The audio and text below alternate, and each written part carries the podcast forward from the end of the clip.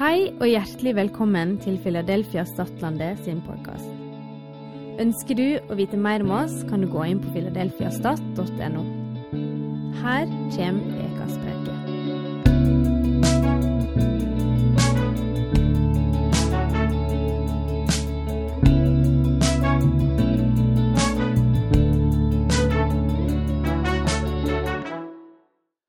Fantastisk å høre fortellingen og eh, intervju. Og få lov til å møte dere, få lov til å være her ute. Få lov til å se hvorfor dattera mi er så glad i eh, Stad. Det handler om stedet, men det handler sannelig mye om folka. Så eh, som mor og far da, så må vi takke for at dere tar så godt hånd om Miriam. Som gjør at det er lett for oss å vite at hun har det veldig bra, selv om hun er litt langt unna oss. Og så er det jo Takk for tilliten, for at jeg får lov til å si noe. Ehm, Jeg elsker Jesus.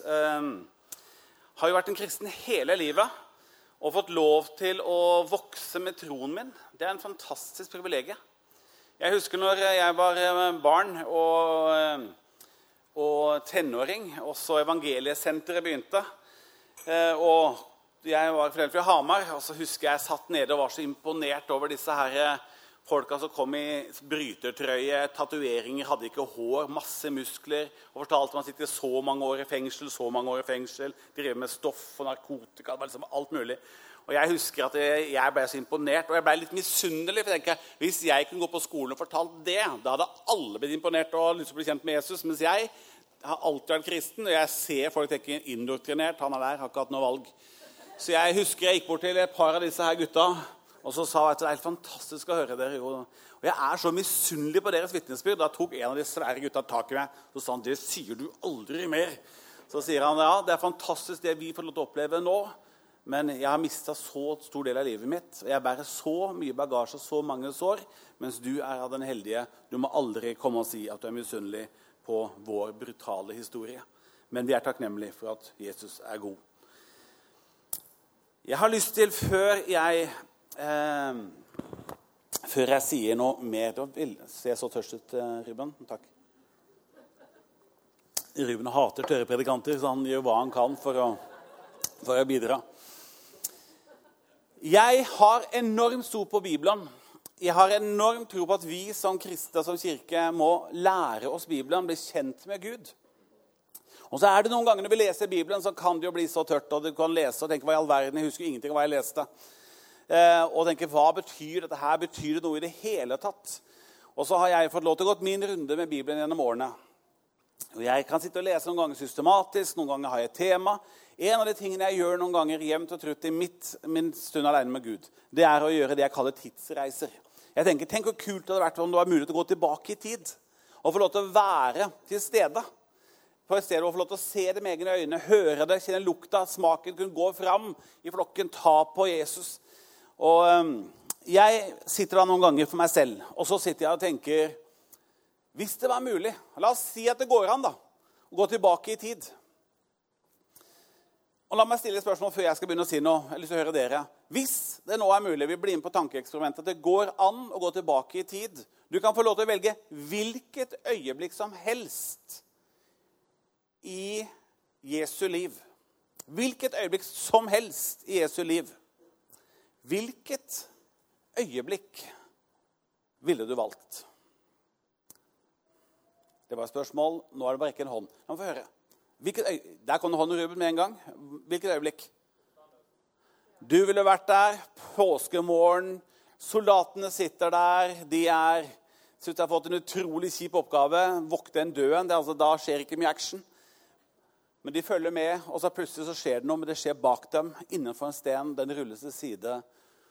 Dødens makt er brutt. Jesus rusler ut, og disiplene tror det ikke etterpå. Og soldatene rømmer. Den dagen forandres hele menneskehistorien. Det er et fantastisk øyeblikk. Jeg ble der sammen med deg, Ruben.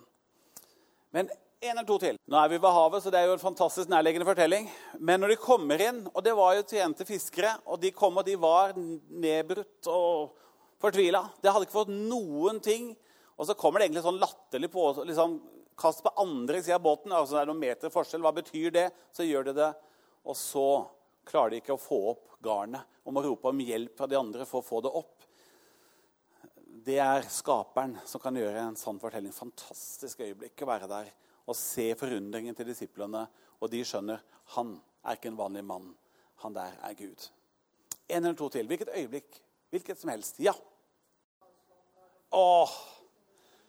Ja, det er nydelig. Altså, nå er det to ordentlig fortvilte, deprimerte gutter på vei hjem. Alt er over. De hadde hatt kjempehåp. Alt er håp er borte. Og så kommer det en tilfeldig vandrer. Av en eller annen årsak så kjenner man ikke igjen med en gang.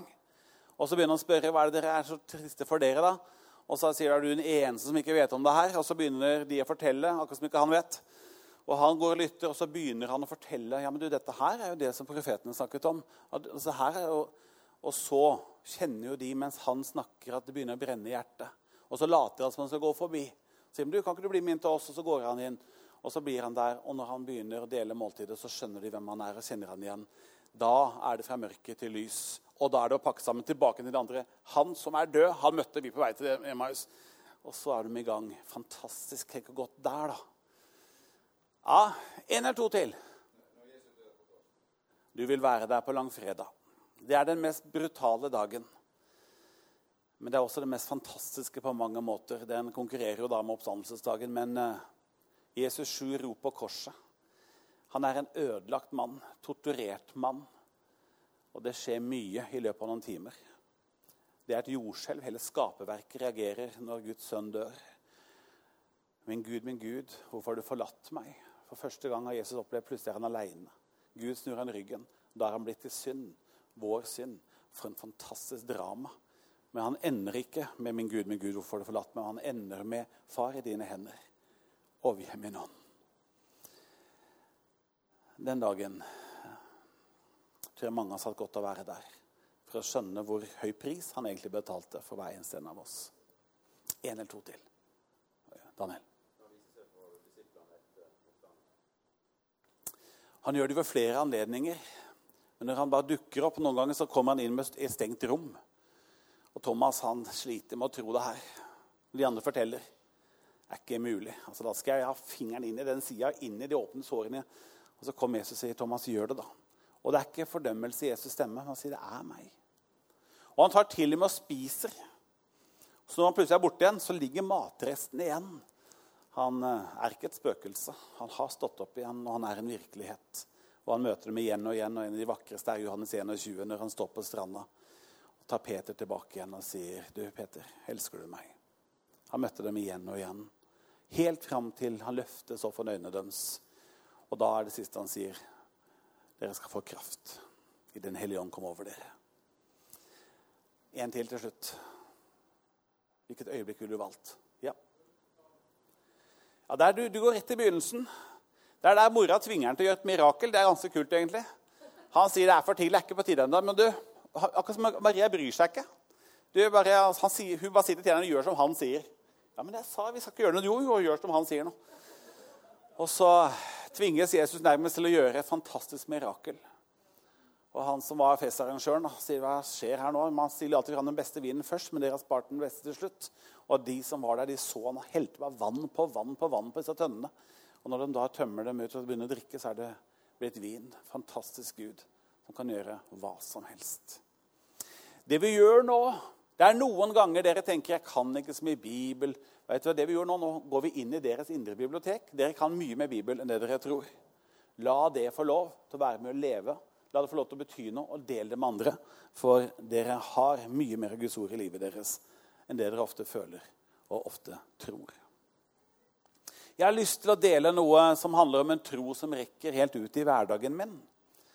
Jeg tenker at En kristen det er en som er en reisende både i tid og i evighet. Og det er vi samtidig. Og Jeg lurer noen ganger på om vi kristne med et ensidig fokus på tid kan bli litt nærsynt og litt perspektivløse. Det er som om vi tar og tenker at hele livet handler om en fødselsdato og en dødsdato. Som om den eneste motoren vi har, er en hjertemuskel. Og de eneste ressursene vi eier, er våre medfødte evner og det skolebøker kan lære oss. Det er akkurat som vi lever med hvilepuls helt til det uventede, det uønskede. Kriser og dødsfall og brutte relasjoner, sårede følelser eller noe annet innhenter oss. Da begynner vi å rope på Gud og håpe at det fins en Gud der ute. Nå er det sommer. Og jeg tenker at For mange av oss er det en roligere tid hvis vi ikke er bonde. Men ingen av oss forventer at sommeren varer evig. Og de som gruer seg til høsten, vil kunne oppleve en form for rekkeviddeangst.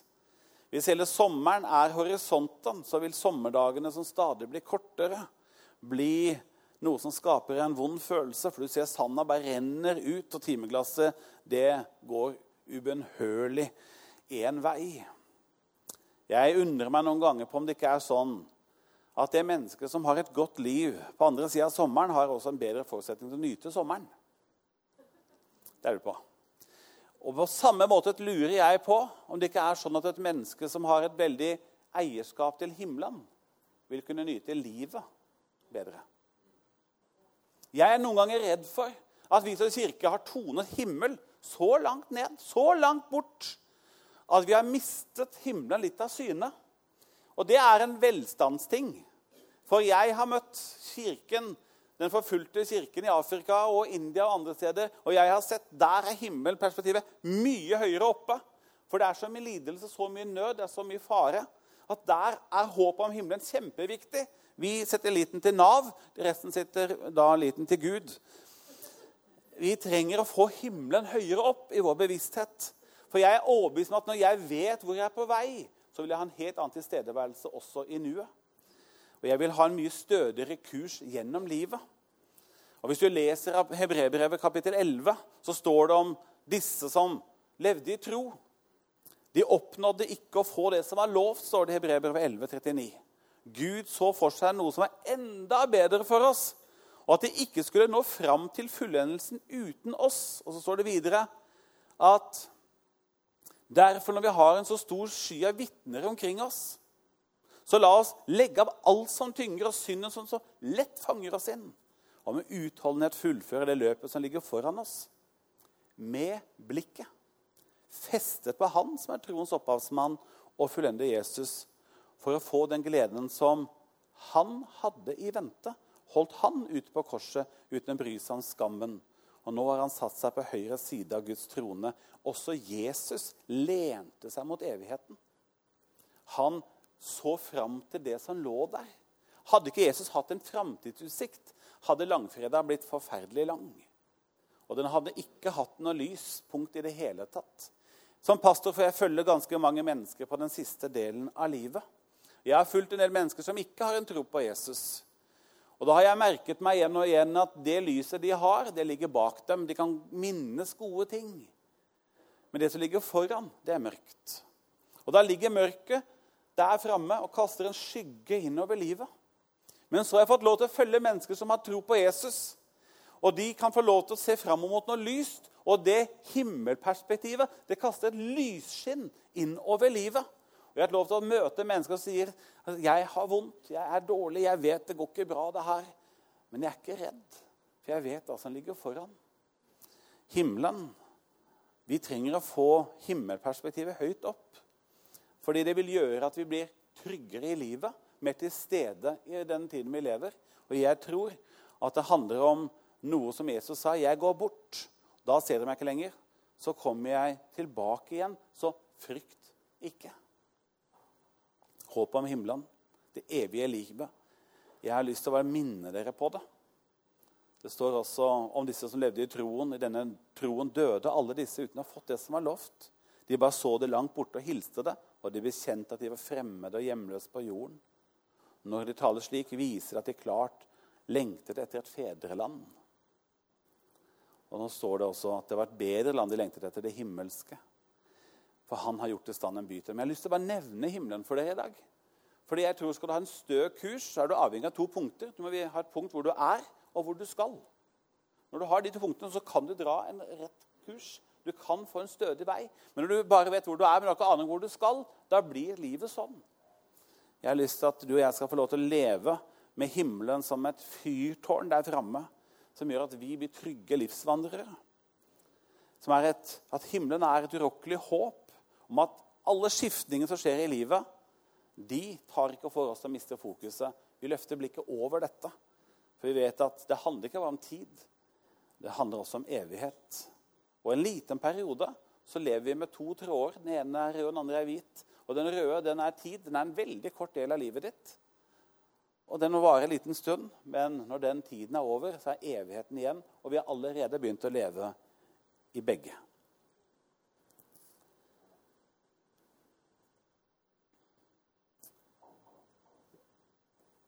Dette med himmelen um, En ting til om det, for jeg har lyst til å si noe annet. Jesus ymtet jo fram til disiplene igjen og igjen om himmelen. Han ymtet også fram til at han en dag skulle gå bort. Men av en eller annen årsak så fikk de aldri helt med seg. De klarte ikke å skjønne at han faktisk mente det. Men en dag så sitter disiplene rundt ham, og de er konsentrerte, lytter inn. Og nå er det akkurat som Jesus blir kjempetydelig. Og så sier han i Johannes 14.: La ikke hjertet bli grepet av angst. Tro på Gud og tro på meg. I min fars hus er det mange rom. Var det ikke slik? Hadde jeg sagt dere det? Men nå vil jeg, jeg gått, og jeg vil gjøre stand i stedet for dere. Og jeg vil komme tilbake og ta dere til meg, og der dere skal være. Der jeg skal, der jeg skal være, der skal dere være. Og dit jeg går, vet dere veien. Og så er det sånn Thomas sitter der og sier ok, jeg hører ord, men jeg skjønner ikke hva du sier. Du sier du skal gå et sted, men du sier ikke hvor du skal gå. Hvordan skal vi da finne fram?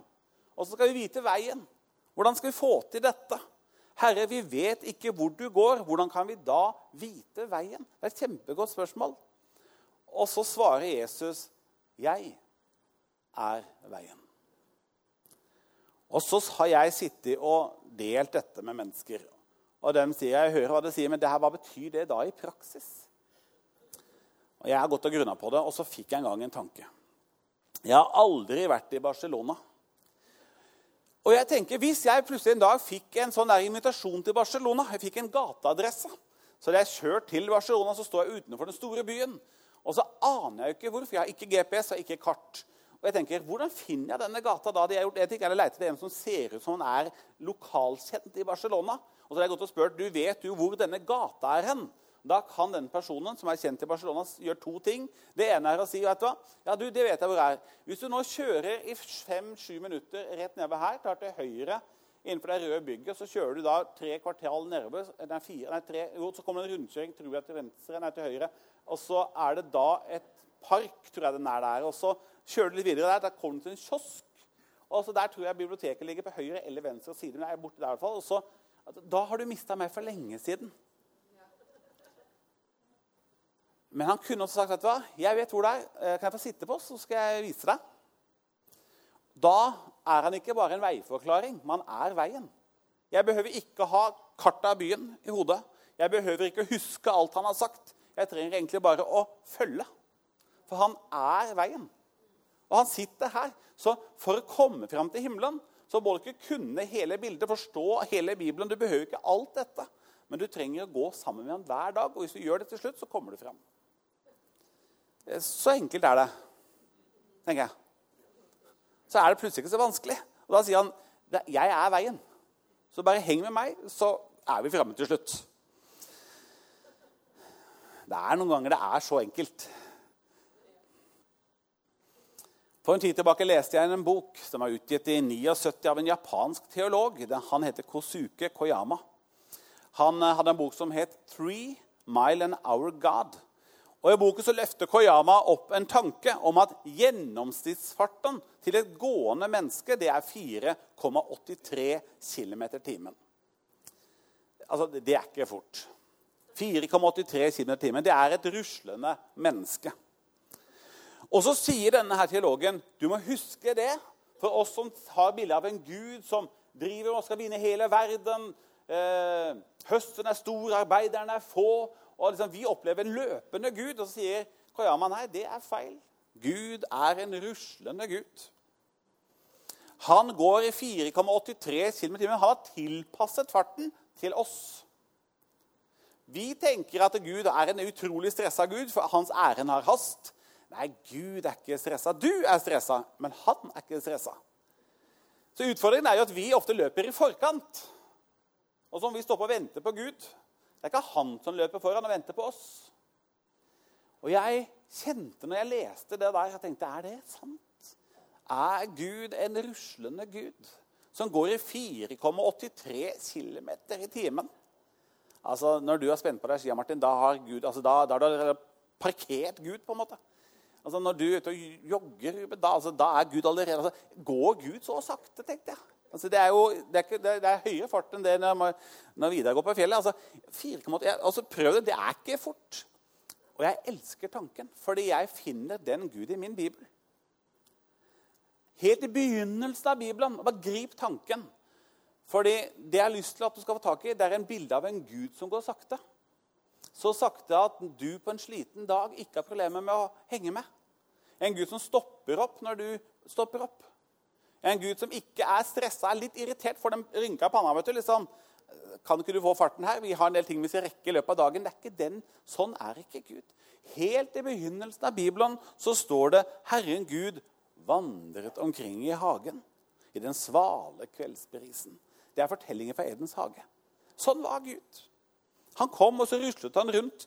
Og i evangeliene fortelles det om en Gud som hadde støv på føttene. Om da Gud ble menneske, så ruslet han fra sted til sted på støvete veier. Ofte sammen med disipler og andre folk som trengte han og hadde endeløst med spørsmål, behov og bønner. Sånn som meg, som rusler 4,83 km i timen. Jeg finner en dyp trøst i ordene om den ruslende Gud at da Jesus kom gående Johannes kapittel 9, vers 1 så står det sånn Da kom Jesus gående. Da så han en mann som var blind. Da Jesus kom gående, så han en mann som var blind. Og når han så den mannen, da stoppet han opp. Han hørte mannen rope. Forbarm deg over meg. Og han spør hva det du trenger. Hva vil du ha? Den Gud må ikke vi miste blikket av.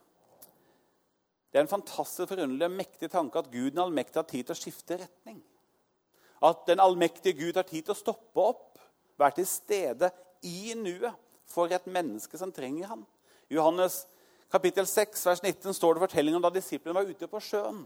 Det var blitt mørkt, og Sjøen gikk høyt, det blåste en kraftig vind. Og så skriver Johannes, som høyst sannsynligvis satt i båten og var øyenvitne til det hele. Midt i stormen så står det da de, trodde, da de hadde rodd omkring 25 eller 30 stadier, da så de at Jesus kom gående på sjøen og nærmet seg båten. Kan du se bilde av en ruslende Gud? Jeg har ofte lurt på, Går han mellom bølgene? Følger han bølgene opp og ned? Vek bølgene? Jeg aner ikke om han gikk på sjøen midt i stormen. Han er ikke skremt eller påvirket av anstendighetene. Det er ofte vi. Men han var ikke det.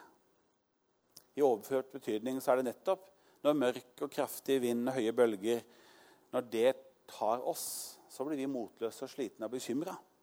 Det er jo da han kommer gående oss i møte. Det har han alltid gjort, og jeg ser det igjen og igjen når jeg er på besøk på Ullevål sykehus eller Ahus eller besøker noen hjemme hvor livet er mørkt. Så ser jeg igjen og igjen hvordan Jesus kommer. Og han har en enorm evne til å si 'frykt ikke', 'bekym deg ikke', 'se jeg er her'. Og så endrer hele situasjonen seg. Vi kan noen ganger si at vi er utladet, eller batteriene er tomme. Men Jesaja har sier tydelig han gir den trette kraft. Den som ikke har noen krefter, gir han stor styrke. Og så sier han vakkert Gutter blir trette, slitne. Unge menn snubler, og de faller. Men de som venter på Herren, får ny kraft til å løfte vingene som ørnen. De løper og blir ikke slitne, og de går og blir ikke trette. Vi ønsker ofte å effektivisere livet. for Vi ønsker å rekke mest mulig, tjene mest mulig, oppnå mest mulig, aller helst på kortest mulig tid. Men ofte er det ikke sånn at de du elsker høyest, betaler den høyeste prisen hvis du aldri finner tid til å hvile. Hvis ikke du klarer å finne sakte tid. Vi må rett og slett sette av tid til kjærlighet. Vi må sette av tid til å bli elsket. Og så har jeg lyst til å si ikke la deg bli stresset når du har en evighet å ta. Jesus var en fyr som grep øyeblikkene. Jesus hadde mye å gjøre. På tre år så skulle han undervise alt som kirken skulle lese og følge i tusener av år etter hans død. Han skulle utruste og trene tolv rufsete disipler til å bli søyler i en kirke som snart ble forfulgt og jagd utover hele verden. Han skulle trene dem så de ble symbolene, støttene, søylene. Han skulle lære dem alt det han hadde befalt dem. Han skulle lære dem å undervise. Tre år går fort, altså. Det er snart jul, tenker jeg. Altså, Vi er i juli. Han hadde mye å gjøre tre år. Men likevel fant han tid til å stoppe opp under morbærtreet. Der hvor en toller som het Sakkeus satt. Han hadde klatra, for han syntes det var vanskelig han ville se Jesus, men han så ikke over de andre. Så han klatret opp i treet, og der går Jesus midt i folkemengden. Han er på fart framover. Men så stopper han opp og kikker opp i morbærtreet. Og så sier han, 'Sakkeus, skynd deg ned.' Kom deg ned, for i dag må jeg ta inn hos deg. I dag skal jeg på besøk til deg, Sakkeus. Jesus grep øyeblikket. Det var midt i folket, midt i undervisningen. Og Jeg har sittet på undervisning, jeg har vært på så mye møter, og du aner ikke hvor mange møter jeg har vært på. Jeg har vært på møte hvor en skal ikke si navnet hans, men det var en unge som begynte å løpe opp og ned. Da ble han så forstyrra av ungen. Så han, hvem som eier den ungen? Det var ikke bra for den stakkars moren. Hun gikk og syntes ikke det var noe gøy å komme tilbake igjen. Så det er noen ganger vi blir litt sånn. Og når disiplene så at nå sitter Jesus og underviser, det er veldig alvorlig her, dette her er kjempebra undervisning, så kommer noen unger med mødrene på slep. Og de jager bort ungene. Da stopper Jesus opp og sier, 'Hei, stopp det der. Få de ungene hit. Bring dem inn i sentrum.' La de små barn komme til meg. Hindre dem ikke, for Guds rike tilhører slike som dem. Og så tok han dem opp i fanget sitt og velsignet dem. Han grep øyeblikket. Og de menneskene glemte det aldri. Han var opptatt av å gjøre mye på kort tid. Likevel grep han øyeblikket da en livredd kvinne, grepet på fersk gjerning i utroskap, ble tvunget og taua fram gjennom folkemengden på, folk, på tempelplassen. Og Hun ligger der sånn og vet at straffen for det jeg har gjort, er å bli steinet til døde. Og alle er der. Og de mennene spesielt er veldig klar for å få dette her, her satt i gang. Og de står med steiner i hendene. Jesus sitter der og tegner et eller annet i bakken. skriver på. Så sier han litt sånn ut av ingenting ja, Den som er uten synd, kan kaste først. Og så blir det et øyeblikk av sannhet. Så begynner den eldste først. tenker ja, uten synd ja, er vel ikke helt der. Så han slipper litt motvillig steinen. da. Og så hører du dette stein etter stein etter stein. Etter en stund så er det stille. Da kikker Jesus opp. Der ligger fortsatt en kvinne i støvet. Eksponert i sin skam og alt sammen. Og Han kikker rundt seg, og så ser han på kvinnen og sier, 'Er det ingen som fordømmer deg?' Og Hun kikker seg rundt, for hun visste at hennes tid var omme. Nei, det er ingen. Så ser Jesus på henne, og så sier han, 'Jeg kan.' Det sier han ikke, men han kunne ha kastet den første steinen, for han var uten synd. Men så sier han heller ikke, 'Jeg fordømmer deg'. Gå bort, og synd ikke mer. Han grep øyeblikket. Den kvinnen glemte aldri Jesus. Sulten og tørst. Sliten. Grep han øyeblikket. Da en kvinne med et kritikkverdig moral kom snikende ut av byen Sykar. Det er da solen steker som aller mest. Hun kommer opp, heiser opp noe vann. Han spør kan du gi meg vann. Hun stusser. Hvorfor spør du meg? Du er jøde, jeg er samaritaner, jeg er kvinne, du er mann. Det er ikke riktig, det du gjør nå. Og så ser han på kvinnen, og han ser henne hvem hun er. Så sier han om du hadde kjent Guds gave og visst hvem det var som ber deg om drikke, da hadde du bedt han, og han hadde gitt deg levende vann. Da hadde du fått noe vann som når du drikker, skal du aldri mer tørste. Det vannet vil jeg ha. Og hun fikk det vannet. Og hun ble forvandlet og løp inn i byen. Østkirken kaller henne, sier at navnet hennes var Fotini. De sier at hun dro innover Østlandet, Østerrike, og satte i gang og ble en fantastisk brannfakkel for Jesus. Hun snudde i hvert fall syk her på huet. Og kirkestoren sier at hun var med berørte mange mennesker og ble en helgen etterpå. Men hun var egentlig en skamfull kvinne. Lavest der nede. Men Jesus grep øyeblikket. Han burde jo egentlig ha forberedt disiplene, han burde ha lagd programmer, han burde ha lagt en strategi for de neste årene. Men nei, da han så en kvinne, og det var det viktigste i øyeblikket. Midt på natten grep han igjen øyeblikket. Da en nervøs, men søkende skriftlærd kommer og banker på døren hans i ly av nattemørket. Nikodemus. Han sier, 'Jeg vet at du er en lærer kommet fra Gud.' Jeg tør ikke å følge deg så folk sier det, men jeg skjønner at det er noe her. Så blir det den rare samtalen. Du trenger å bli født på ny. du. Hvordan i all verden får til det? da? Han ble jo veldig konkret. da. Og Så ender han opp i denne samtalen Jesus, med å si For så høyt har Gud elsket verden, Nikodemus, at han ga sin sønn den enbårne, for at ikke du og hele verden skal gå fortapt, men ha evig liv. Den samtalen glemte Nikodemus aldri. Han grep øyeblikkene Jesus. Mens han i panisk ensomhet vred seg i ubeskrivelige smerter, og et mørk han aldri før hadde sett, var i ferd med å senke seg over han, grep han igjen øyeblikket. Da en lidelsesfelle på korset ved siden av ham stønner fram en bønn over tørre og sprukne lepper. Jesus, husk på meg når du kommer i ditt rike. Da vender den døende Jesus sin oppmerksomhet mot denne tragiske skikkelsen på korset ved siden av. Denne håpløse mannen. Og så sier han sannelig Så sier jeg deg i dag at du skal være med i paradis. Jeg kunne fortsatt. For dette her gjorde Jesus hele tiden. Og jeg har så lyst til at du skal bli smittet av det samme, for du og jeg må ikke gå så fort. Nå er vi ute ved havet. Nå vet jeg dere er mye mer kjent med båt enn det jeg er. Du vet at det er noen båter som er lagd skrogmessig sånn at når du bare får nok fart, så planer de. Det betyr i praksis de, de blir overfladisk. Det er veldig liten kontaktflate mellom vann, for vannet presser opp båten. Og så ligger den oppå. Da går det veldig fort. Men jeg har lyst til å si at målet med et menneske er ikke at det skal gå veldig fort. For da blir du overfladisk overfladisk, en overfladisk kirke vil ikke se menneskene rundt seg. Du blir fartsblind. Du setter bare framover. Og når Kirken bare har sitt eget for øye, så ser den ikke menneskene rundt seg. Jeg blir så ofte inspirert av Frelsesarmeen, som har en suppe, såpe og frelsebudskap. Hele mennesket på alvor. Jeg skal ønske jeg var enda mer. Jeg har lyst til å være et menneske som Jesus, som vet hvor jeg skal. Jeg har blikket på himmelen.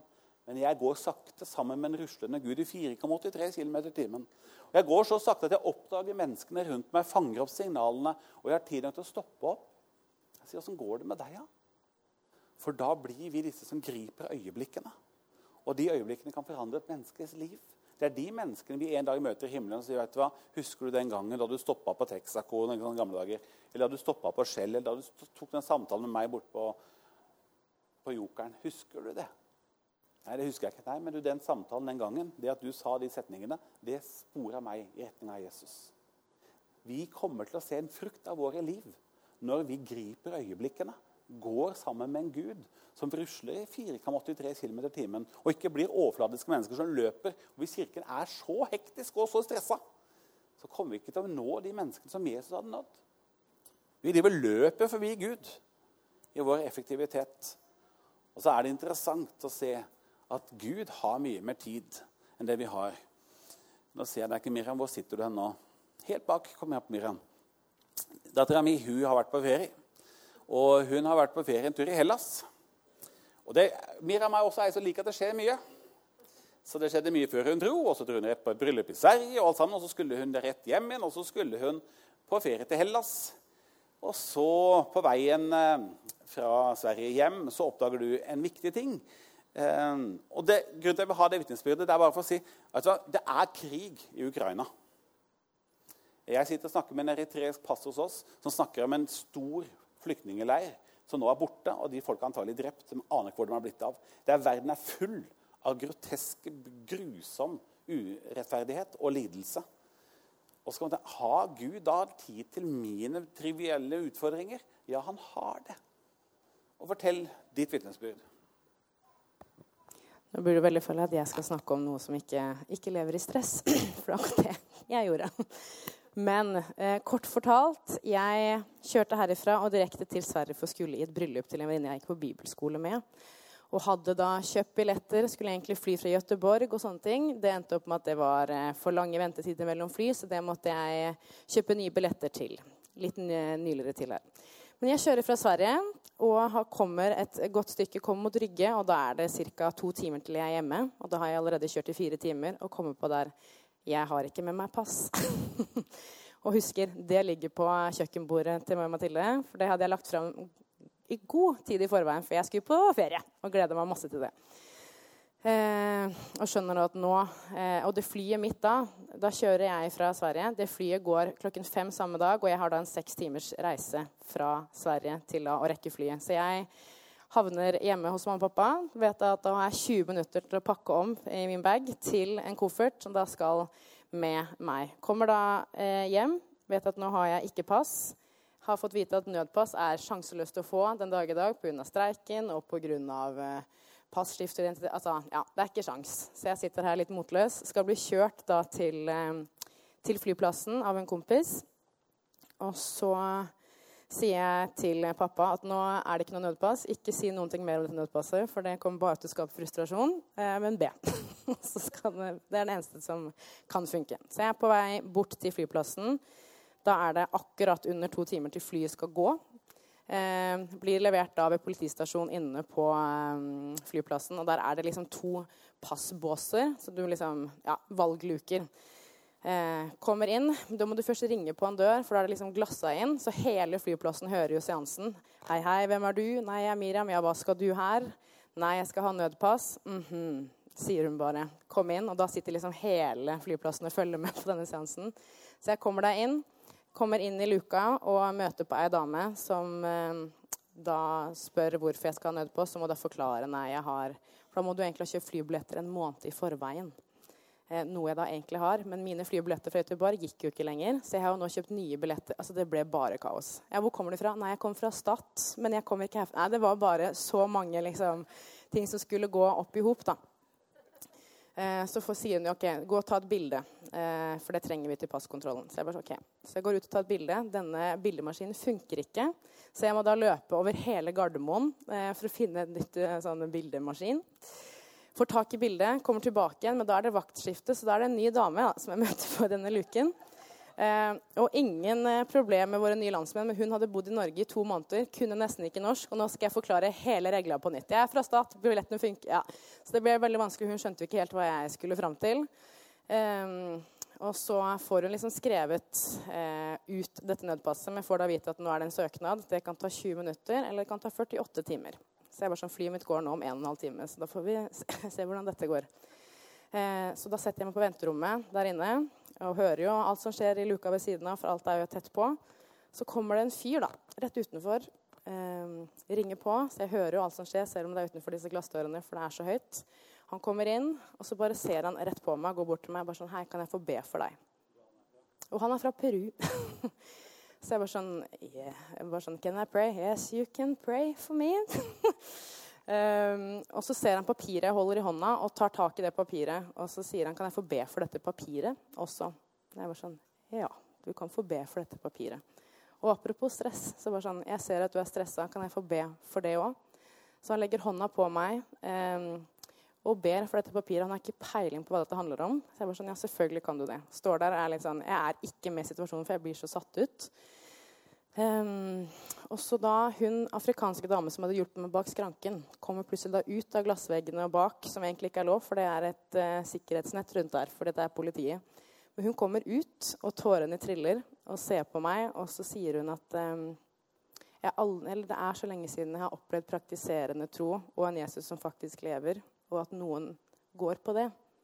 Um, jeg begynner nesten å gråte selv. Um, og det møtet Selvfølgelig fikk jeg dratt til Hellas og dratt på seiltur, og det er helt fantastisk. Men det at hun fikk se en praktiserende tro, tror jeg egentlig forandra livet hennes ganske kraftig den dagen. Um, og kom og ga meg en klem, og så sa hun passet gikk igjennom, og da hadde det gått syv minutter.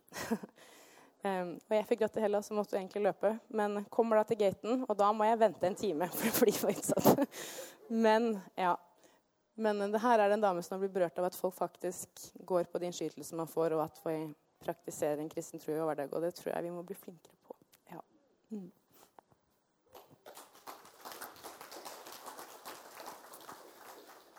Og det handler om at der er det en fyr fra Peru som griper øyeblikket. Som tør å gå på en innskytelse. Og jeg har, bare, jeg har lyst til å si det her. For det første, sett blikket på himmelen. Vit at din framtid, den er lys. Og la lyset fra himmelen kaste seg innover livet ditt. For det beste ligger foran deg. Og når du lever livet ditt, husk at Gud er en Gud som rusler rundt 4,83 km i timen. Og når du stopper opp, så stopper han gjerne med. Og når han møter et gravfølge, så stopper han opp. Når han møter en blind Bartimeus, når han møtte hvem som helst, så grep han øyeblikket, og de øyeblikkene forandret menneskers liv. Vi sitter og forteller det 2000 år etterpå. Og den fyren som satt oppi et tre, som het Sakkeus, vet vi om. Fordi det øyeblikket forandret et liv. Og Jeg har så lyst til at du og jeg skal få lov til å bli sånne som skaper de fortellingene. Ikke tenk at det krever en utrolig smart, fantastisk og åndelig vi er alle disipler. Og hvis vi griper de øyeblikkene Og evighet er ikke sekunder som raskt renner ut mellom fingrene dine. Jeg er jo en sånn i jobben min som liker å få ting unna og tenker at effektivitet er kvalitetstegn eh, hos en ansatt. Men, og jeg kan stå i fare for å bli stressa av tanken på en ruslende gud. Jeg skulle ønske han var sånn småjoggende. Eh, for jeg føler vi har så himla mye vi skal ha gjort før Jesus kommer. Men da må jeg minne meg selv om en ruslende Gud er ikke en treg eller forsinka Gud.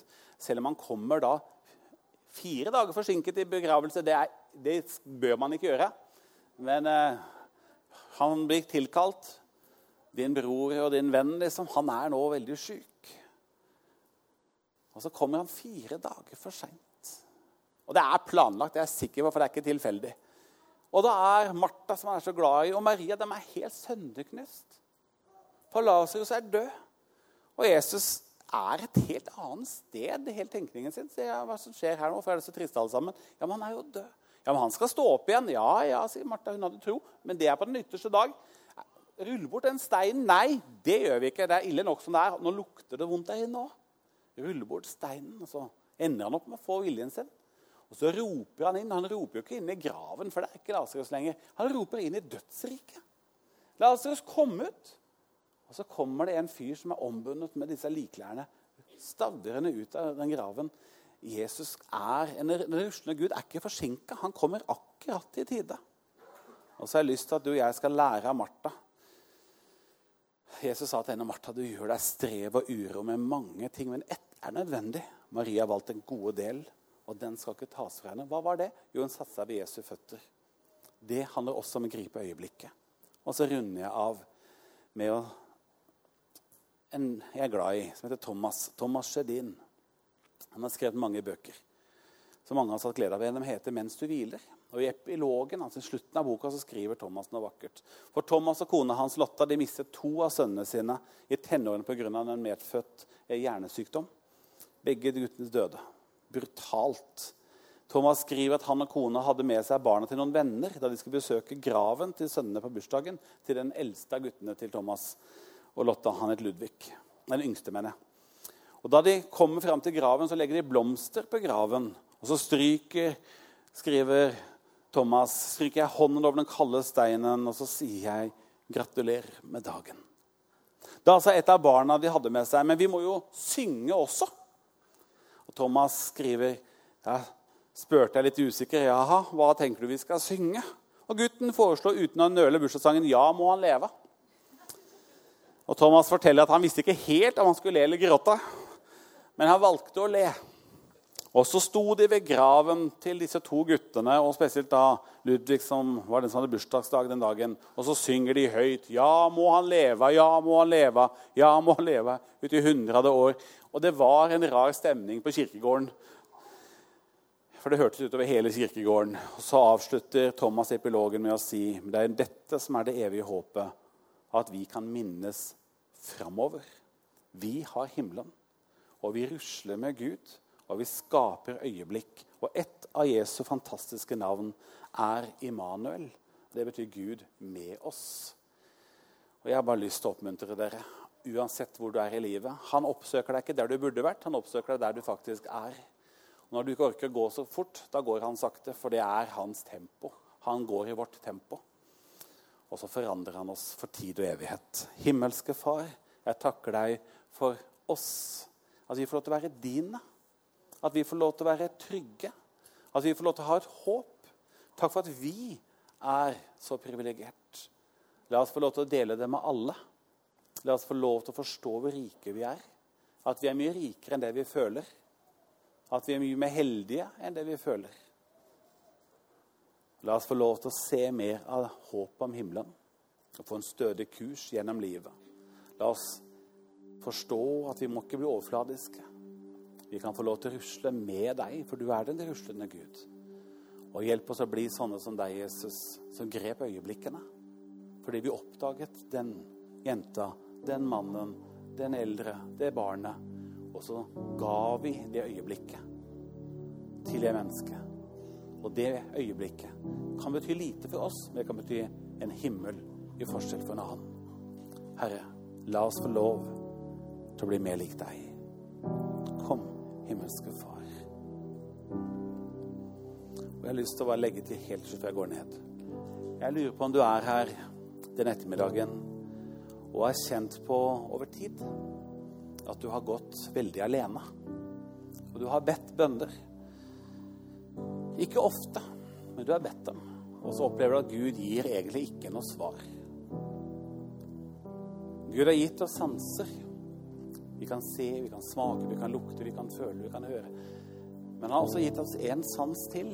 Det er hjertet vårt. Bibelen kaller det hjertet. Og med hjertet kan vi sanse og oppleve Gud. Men det er også en sans som vi må oppøve. Og det jeg å si til deg som har opplevd å ha gått alene og bedt til Gud og ikke opplevd at han er der han går tett ved sida di. Men han har lyst til at du skal få oppøve denne sansen, så du begynner å høre hva Ånden sier. Så du kjenner at han er nær.